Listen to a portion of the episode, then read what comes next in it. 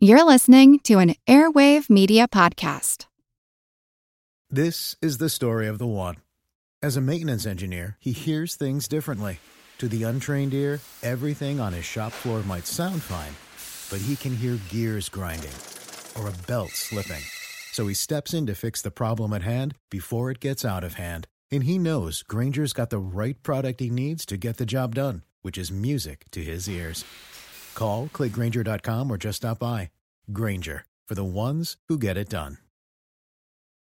The corporate world is like the ocean. It's alluring, but it's also full of deadly creatures that can shred you to pieces. It becomes kind of like a Game of Thrones political arena where everyone's trying to murder you to get your job. My family doesn't come from corporate background, so I didn't have any sort of guidance in that. This is not your typical work podcast. Sometimes you need to be empathetic, and then there are times that you ask for input, but you don't really give a shit. Listen to the Ambie Award nominated podcast, Surfing Corporate. Stretch opportunity. What is this, yoga class? Get out of here.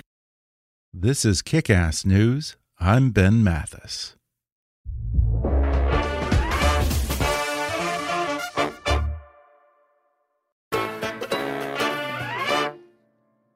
In 2014, northeastern Syria might have been the last place you would expect to find a revolution centered on women's rights.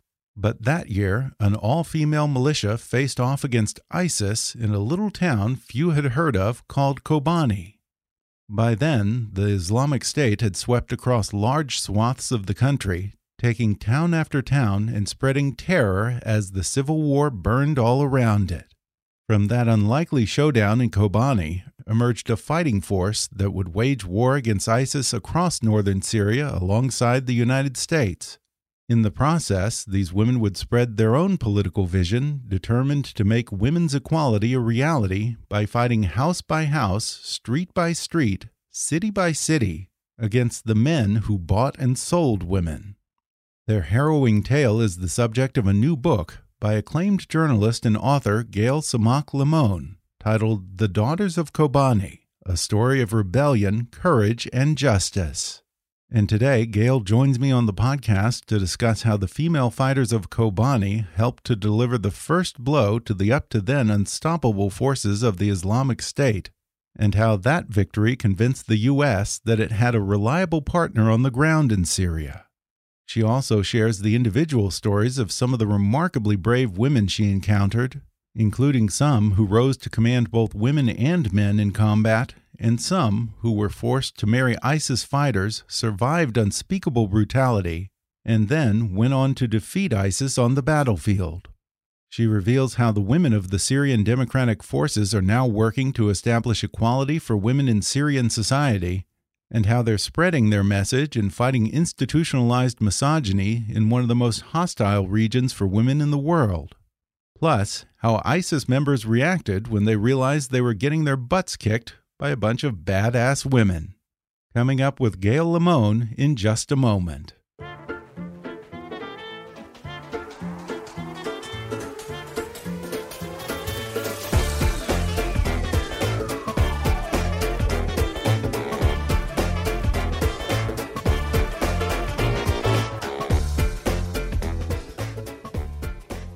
Gayle Tzemach Lemmon is the author of the New York Times bestsellers Ashley's War and The Dressmaker of Khair Khana, who has been referred to as the most unstoppable woman in the world. An adjunct senior fellow at the Council on Foreign Relations, Gayle regularly appears on CNN, PBS, MSNBC, and NPR, and has spoken on national security topics at the Aspen Security Forum, the Clinton Global Initiative, and TED. Now she's out with a new book called The Daughters of Kobani A Story of Rebellion, Courage, and Justice. Gayle, welcome to the podcast. Great to join you. Well, Gayle, man, what an inspiring tale this is. Your book tells the true story of the young women of the YPJ, or the Women's Protection Unit, within the Syrian Democratic Forces, who played a crucial role in defeating the Islamic State and have now, I guess, gone on beyond the battlefield to really change the role of women in Syrian society. How did you first become aware of this amazing story? It is an amazing story. And, and what happened was one of the women who had been in Ashley's War, a soldier in US Special Operations, called me and said, Gayle, you have to come to Syria. You have to see what's happening here. there are women leading on the battlefield, and they're not just leading women, but they're leading men. And then she said, you know, the thing that's amazing is that they have both the respect of the men that they fight alongside and US special operations forces who are just, you know, enormously impressed with them as warriors. And she said, you know, I've never seen anything like it. And you have to come tell the story. I think back, I think I've seen occasional coverage of the women of the YPJ, but it's been pretty rare, I think. I, I, I would think that this would be a real headline grabber. So why haven't we heard more about their story? Well, just think about the last several years. You know, we have so much focus on what's happening here at home, mm. politically, what's happening in the economy. And listen, I mean, I, I grew up in a community of single moms, and, and first and foremost, you have to take care of your family and you got to make mm-hmm. sure everybody is taken care of by you. But I thought, you know, how extraordinary this story is of women who fought ISIS, not just for their region, but really for the United States. Mm-hmm. Right. If you think back to 2014, right, um, that point, ISIS was storming across uh, Iraq into Syria, taking town after town. Nobody had managed to hand them even one loss. And then you come to this town of Kobani and you have this kind of, you know, David versus Goliath story that gets captured by cameras of the of ISIS that's been on a tear, making it slick videos and propaganda. Uh, and then this fighting force of largely Syrian Kurds with women leading in battle and women's equality right at the center. And you have this showdown between the men who buy and sell women, a central part of their ideology, right up against a fighting force who had women's emancipation and women's rights right at the heart of who wow. they were. In 2014, when these women began fighting ISIS, the Islamic State was in a very different situation than it is today. Uh, there was a very real danger that ISIS might overrun the whole Middle East. So I wonder, Gayle, if you could sort of set the scene for us. Back then, just how powerful was the Islamic State in terms of the number of fighters, arms, wealth, and also the land that they controlled at that point? This point, 2014, ISIS is glittery and unstoppable in the view of US officials. They're watching them take the town of Mosul, which is a, a, a sizable town in, in, in, Iraq. And US officials are step back and they say, holy cow, wait a minute, who is going to stop these people? And as you know, right, the ghost of the Iraq war hung over every decision made on Syria. So when mm. putting US forces on the ground was not an option.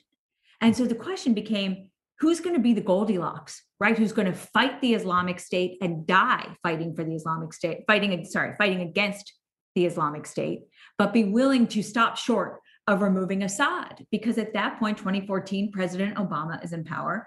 Neither he nor anybody he is serving with has uh, an appetite for regime change in the Middle East. And the people who are bringing the fight to ISIS turn out to be this group of Syrian Kurds that nobody had ever heard of, you know, making this kind of very dramatic stand captured by cameras and broadcast onto CNN in this little town of Kobani that very few also had ever heard of before this moment. And the question was, who was going to go up against ISIS, which had fighters coming from all over the world. You know, becomes kind of this club med for extremists. You know, come to come to ISIS territory and and have your purpose fulfilled.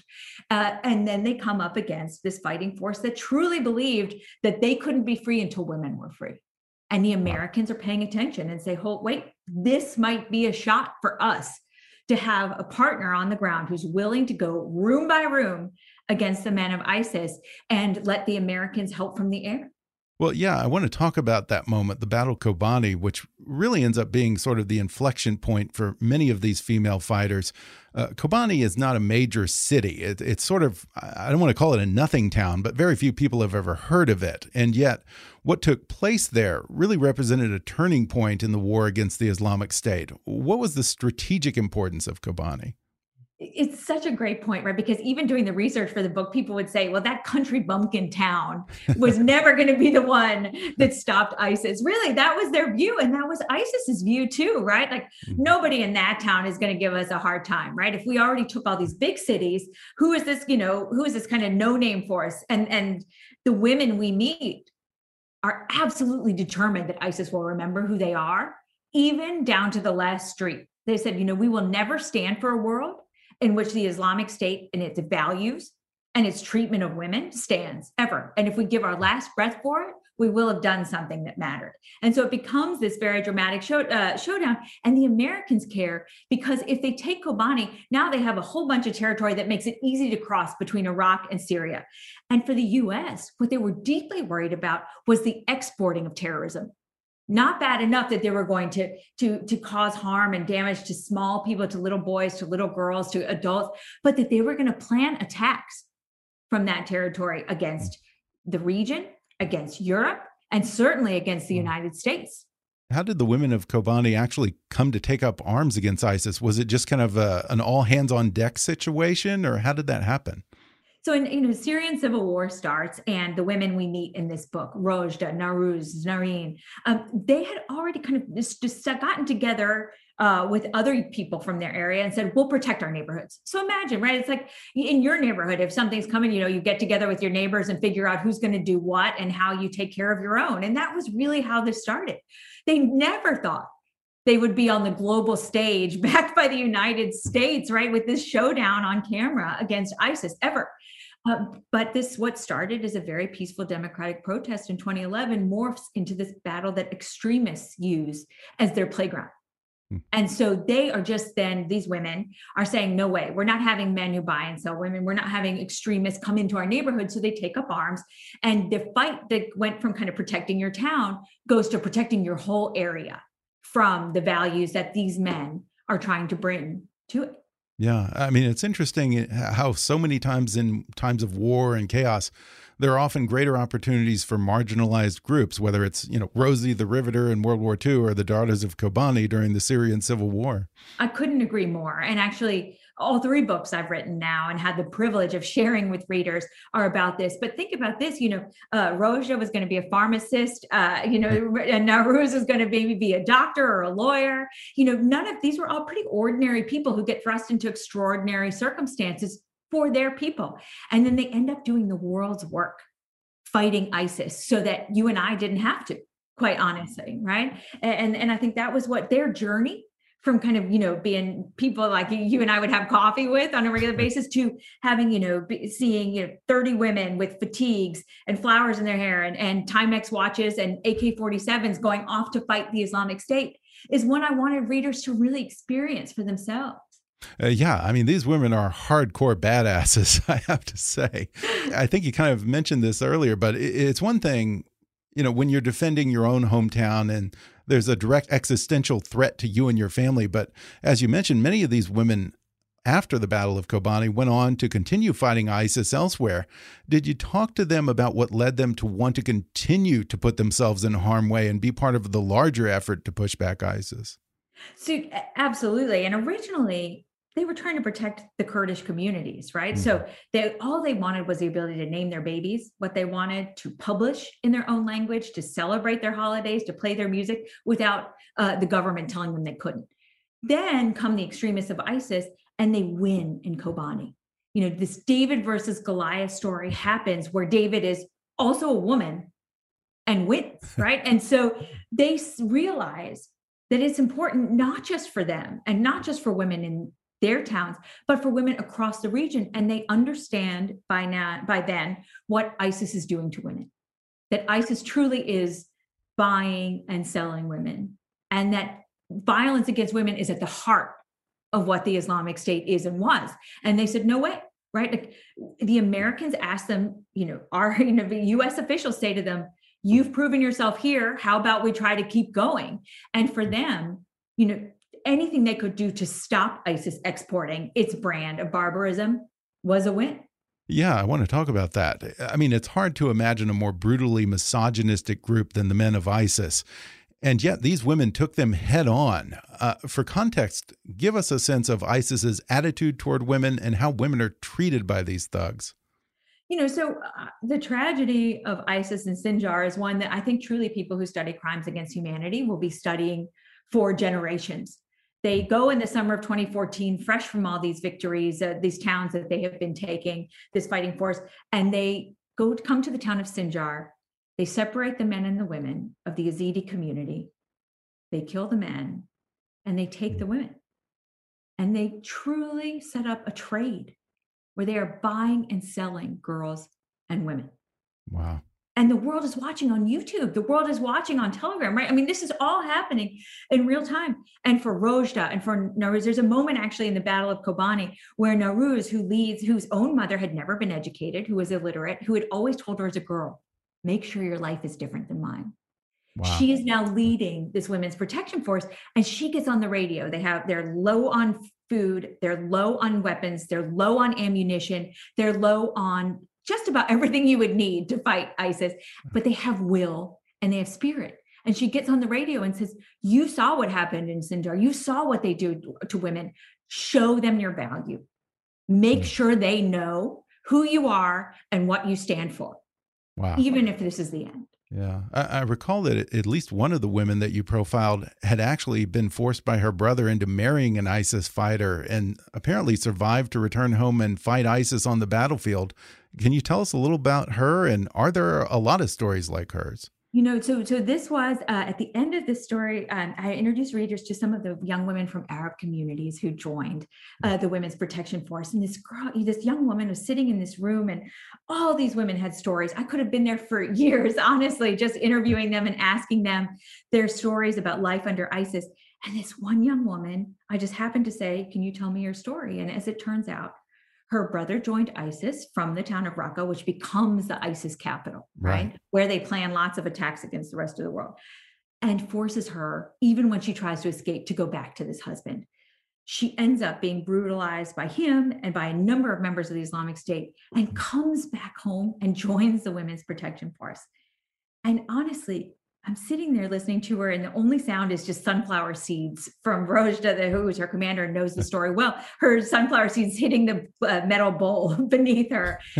and this young and this woman says to me, "I joined because I would not stand for this. Why hmm. should anybody have the right to do this to me or any other woman?" And this was my part of standing against them. Wow. I mean, that, that is just an amazing amount of bravery. I mean, if I had been through what she had been through, uh, I, would want to get as far away from ISIS as possible. I mean, you and I share that. That was exactly yeah, why I asked the question incredible. because I, I felt the same thing. Yeah. So if these women had been captured by ISIS in battle, it's pretty much a given that they would have been raped, killed, or both, right? And that was actually they there's a story in the beginning of, of the book about Areen Mirkan, who is at the very end of the battle for Kobani. Things are looking pretty bad for them. This is maybe three quarters of the way in, in the fight. And, and, at that point, even the US thinks Kobani is going to fall. No one thinks that they're actually going to be able to pull off this win against the Islamic State and to defeat ISIS for the first time. And Areen Mirkan, this young woman, uh, goes into, she basically gets close to an ISIS tank and blows herself up. Wow. So that she knew she was going to be killed. At least she would take some of them with her and make it harder for them to win. And, and wow. none of this is, hero. you know, I just wanted readers to see those moments and to experience what people were willing to do to stop these men. We're going to take a quick break and then we'll return with more when we come back in just a moment.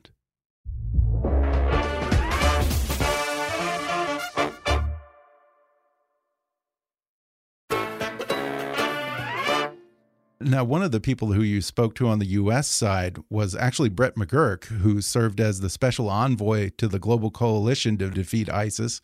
What did he say about the significance of the Battle of Kobani and the women who fought in terms of how that influenced America's own role in Syria? You know, and I really want readers to kind of enter that moment for the U.S. officials. There's Brett McGurk, there's folks from the U.S. military. There are all these people trying to figure out who is going to fight ISIS on the ground for and with America mm. and the world. And so they're trying, they're watching this go on and they have this discussion with um, the folks who are on the ground and say, you know, maybe we can extend this partnership. Maybe we go, we maybe we take this battlefield victory and we go on and on and on from here and find a way to end the Islamic State's territorial hold. And for them, this was America's last and pretty much only hope in the fight to stop ISIS. And, and these women and the men that they served with, they had 10,000 losses in their fight to stop ISIS. Wow. Right. And, and, you know, about 10% of that was women. I think you compare that to 10 losses on the US side, right? Wow. That's right. That's and, and, every. Gold Star family is a tragedy. Yeah. 100%. Yeah. But if you think about a partner that did everything the US mm-hmm. asked, not just on behalf of the US, but on behalf of the world. Imagine a world now where ISIS still had territory from which it could be attacking. And the fact that it was women who brought the fight to them, I think was just for them in many ways divine justice. Right, right. And it's amazing that they sign up for this over and over again, as many times as the U.S. has thrown the Kurds under the bus. You know, truly, I think this is about America's national security. When you think about who has done the fighting for the U.S. Uh, in this fight, it, it is these people. And I think one of the things that struck me was um, I asked Nowruz once why they did it. This was after so much had happened that was very difficult with the U.S. And she said, "We do it for the next generation. We do it so girls and boys born born after this won't know this world." Uh, you also spoke with some of the U.S. forces who served alongside the female soldiers. What did they tell you? They were not just intensely committed to making sure that they got credit but they would go with me in detail to talk about how what real warriors there were. There was a moment uh, in the story where uh, one of the young uh, women who we meet is is going off to battle and the Amer- an american special operations soldier who has come of age in the 9 post 9-11 wars. His entire adult life has been spent going back and forth to iraq and Afghanistan, right? He's hmm. done 12, 13, 14 deployments. And he sees 30 young women on a flatbed truck, some with flowers in their hair, kind of hugging each other, all with their AKs, getting ready to fight ISIS at this meeting point. And he has this moment where he's he has awe at who they are as warriors. He has kind of shame because he wishes that US policy would let him go so he could help them because he has so much more experience at war than they did. And then he has just true respect for them as warriors. And he had to flash us back to the 1963 MacArthur speech at West Point duty, honor, country. Mm-hmm. And he said, yeah. that's who these women wow. are. And, you know, one last point on that, in the, just in the last 24 hours, I've had two men uh, from uh, US Special Operations write to me to say thank you hmm. for telling this story because Gosh. these women really deserve every bit of credit they can wow.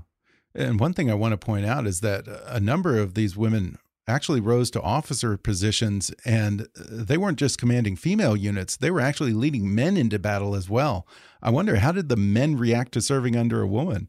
And that is the opening of, of the book right? Because hmm. you and i share same worldview. So we go in, in the opening of the book to the front line in raqqa. This is in 20 summer of 2017 it's like 170000 degrees. I sweat through everything i'm wearing you know and we go to the front line and my crew and I, I, I will say I was nervous, right? Because uh, this is I'll an bet. ongoing fight. ISIS has just uh, not wanting to give up its capital. And Clara, one of the commanders, is just walking around, no body armor, no nothing, right? Just a scarf on her head. And she's pointing to this still smoking car bomb that ISIS set off, targeting her and her forces. And she's like, Can you believe that? Like, look at what they still do. And this is her commute to work every single day. And so to me, it was just like trying to show people the urgency and the immediacy of what they faced kind of every single moment yeah. in that fight against ISIS.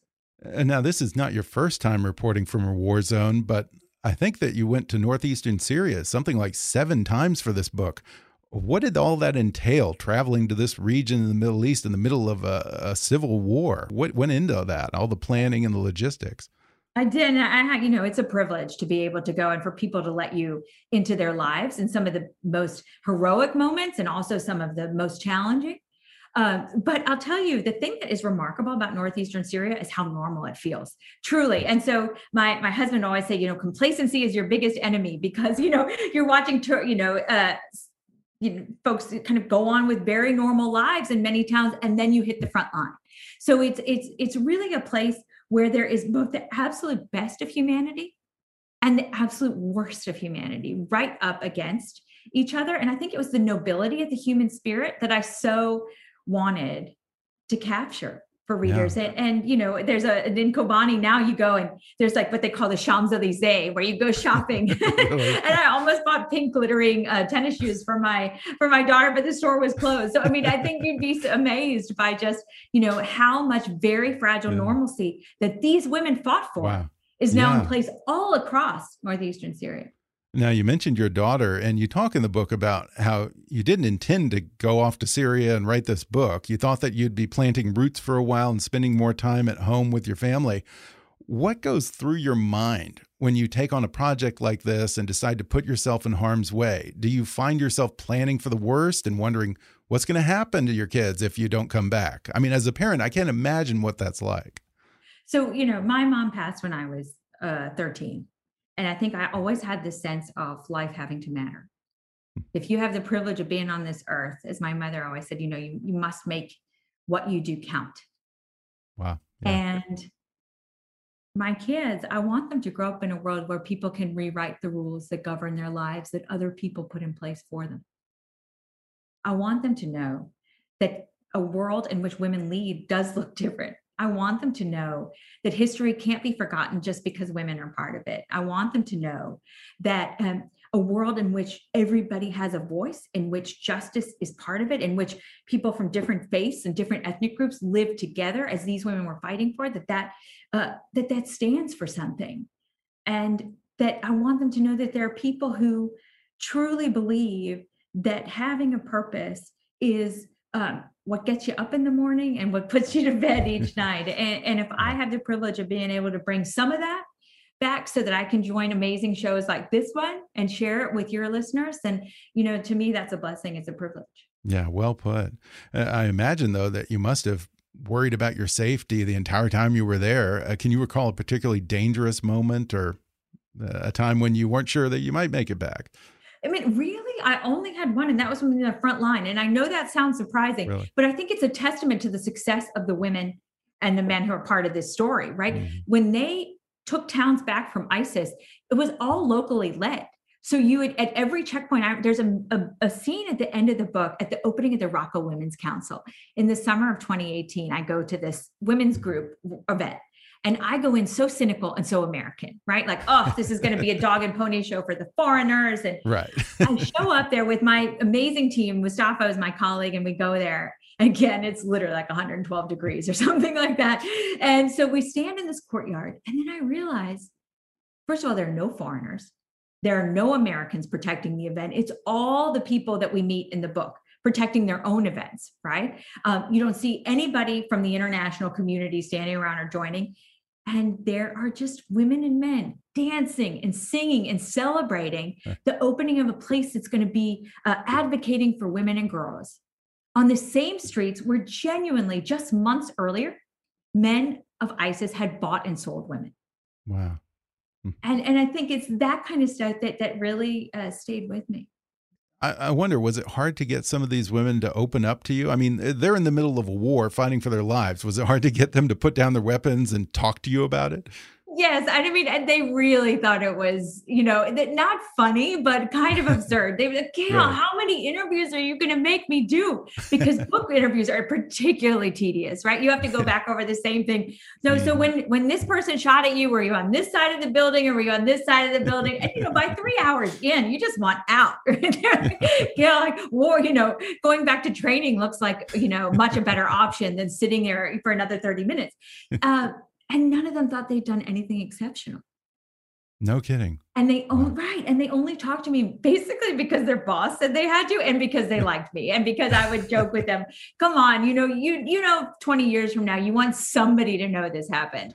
and and Rojda even there's a moment at the end of she's leading the battle for Raqqa. She's working with the Americans every day. And CNN gets in her face at the very end, you know, just puts a camera, you know, how do you feel? You finally Raqqa is cleared. She says, I feel very good. I'm very proud that we've done this for humanity and and i'm really glad i don't have to see you all anymore.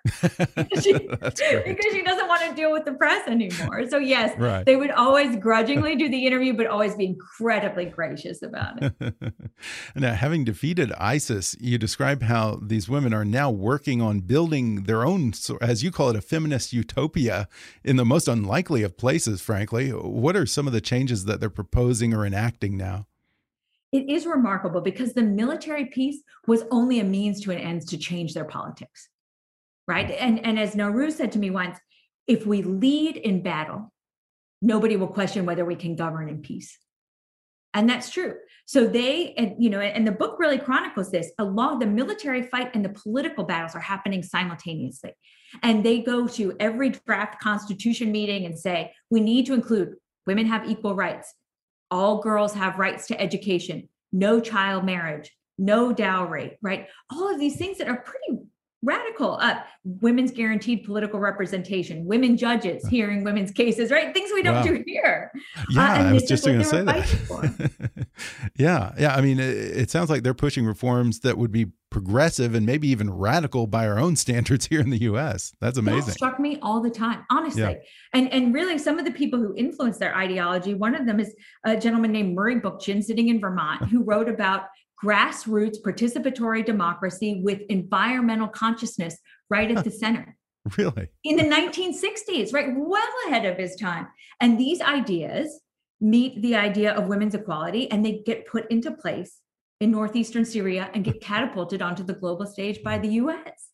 Uh, I wonder, are they working to spread equal rights for women beyond Syria's borders into other countries in the Middle East? It's interesting. The first time I interviewed in the summer of 2017, when we're there at the opening of the book, I interview one of the women who's been fighting ISIS all day. And she says, We are writing our own history now. We are not just doing this for women in Syria or for northeastern Syria, but for women across the region and around the world. And I asked the dumb question because my father comes from the region. I I said, but why start in the Middle East? It's so you're really starting in the hardest place.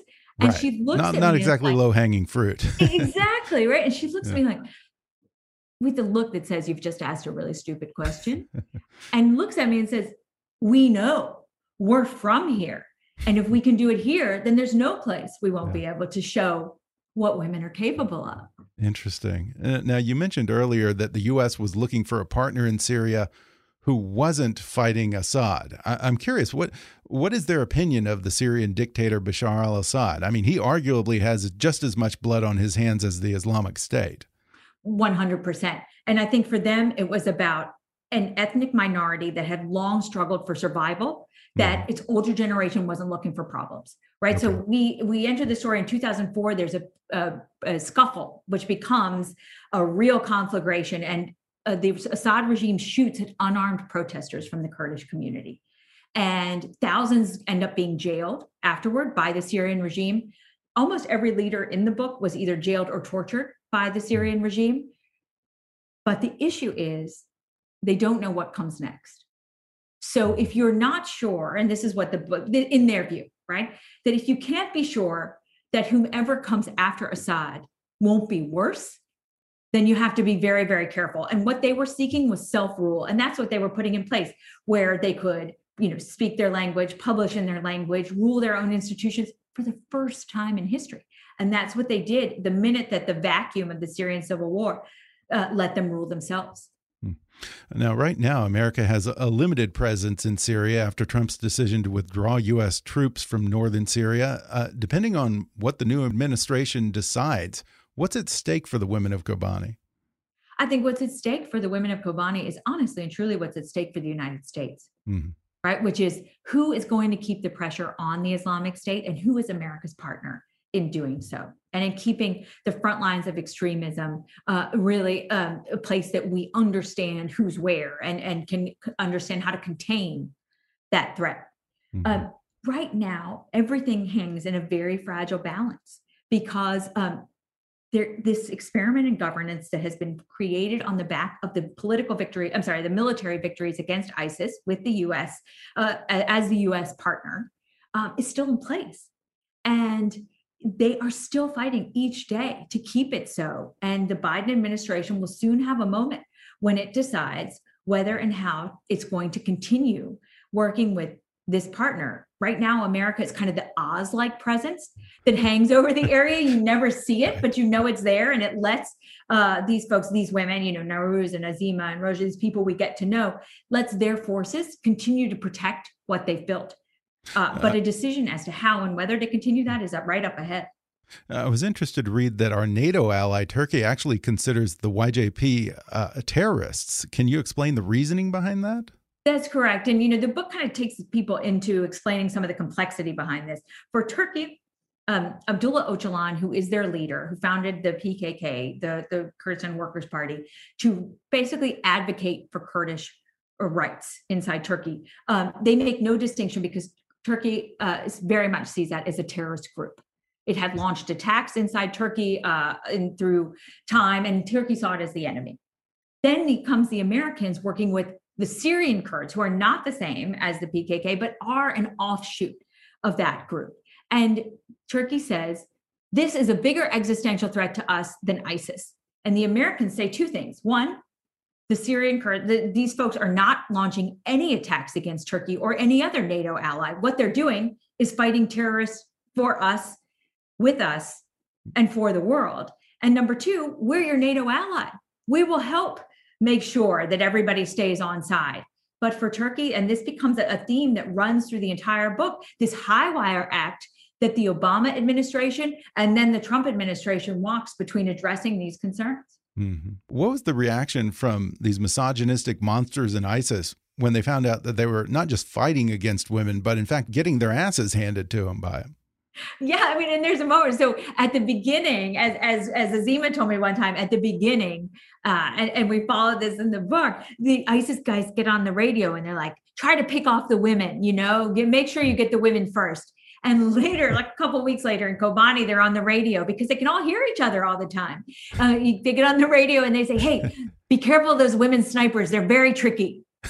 and she took that as a huge compliment and i think that con- i wanted to capture that connectivity right like they really yeah. knew who these men were that they were fighting. Isis guys would get on the radio and say we're going to come enslave you. We're going to come get you. And they would have restraint but the younger people who work for them for these women would get on and be like yeah you're such a man you know come out and show it and would try to to defeat them that way. Uh, I understand that hillary and chelsea clinton have recently optioned the television rights to the daughters of kobani. Can you tell us anything about that? Yes and, and truly i want everyone to get to know this story I want all of us to meet these women and spend time with them. And, and I'm so excited to bring to screen with the help of creators from really around the region and around the world this story of women who said enough. Before we go, there's a great quote by you that really resonated with me. And I think it applies not just to this situation, but also to geopolitics more broadly. You say, suffocated opportunity is the enemy of global stability. What should be the role of America in fostering opportunity both at home and abroad as the antidote to extremism?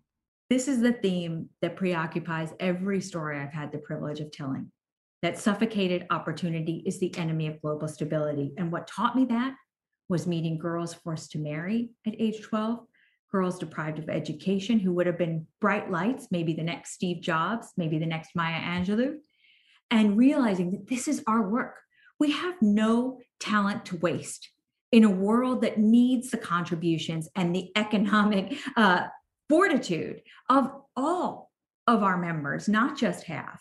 Uh, and not just a limited few in the elites. And I really, I think the United States has such a unique role in untapping and in really uh, uncorking uh, the potential of, of people all around the world who might not look the same as the people who've long held power, but who can make huge contributions to an economy and to uh, an international community that needs every bit of talent it has. Yeah, well said. Well said. And this is just an, a truly unbelievable story. I absolutely loved it. I really encourage people to read it. Once again, the book is called The Daughters of Kobani A Story of Rebellion, Courage, and Justice. Gayle Tzemach Lemmon, thanks for talking with me. Thank you for having me. Thanks again to Gayle Tzemach Lemmon for coming on the podcast. Order Gayle's new book, The Daughters of Kobani a story of rebellion, courage, and justice on Amazon, Audible, or wherever books are sold. Keep up with Gayle at gaylelemmon.com or on Twitter at, at GayleLemmon. That's Gayle Lemmon spelled like lemon, L E M M O N. If you enjoyed today's podcast, be sure to subscribe to us on Apple Podcasts and rate and review us while you're there.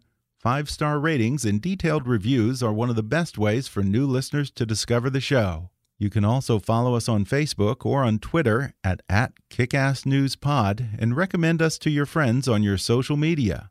For more fun stuff, visit kickassnews.com and I welcome your comments, questions, and suggestions at comments at kickassnews.com. For now, I'm Ben Mathis, and thanks for listening to Kickass News.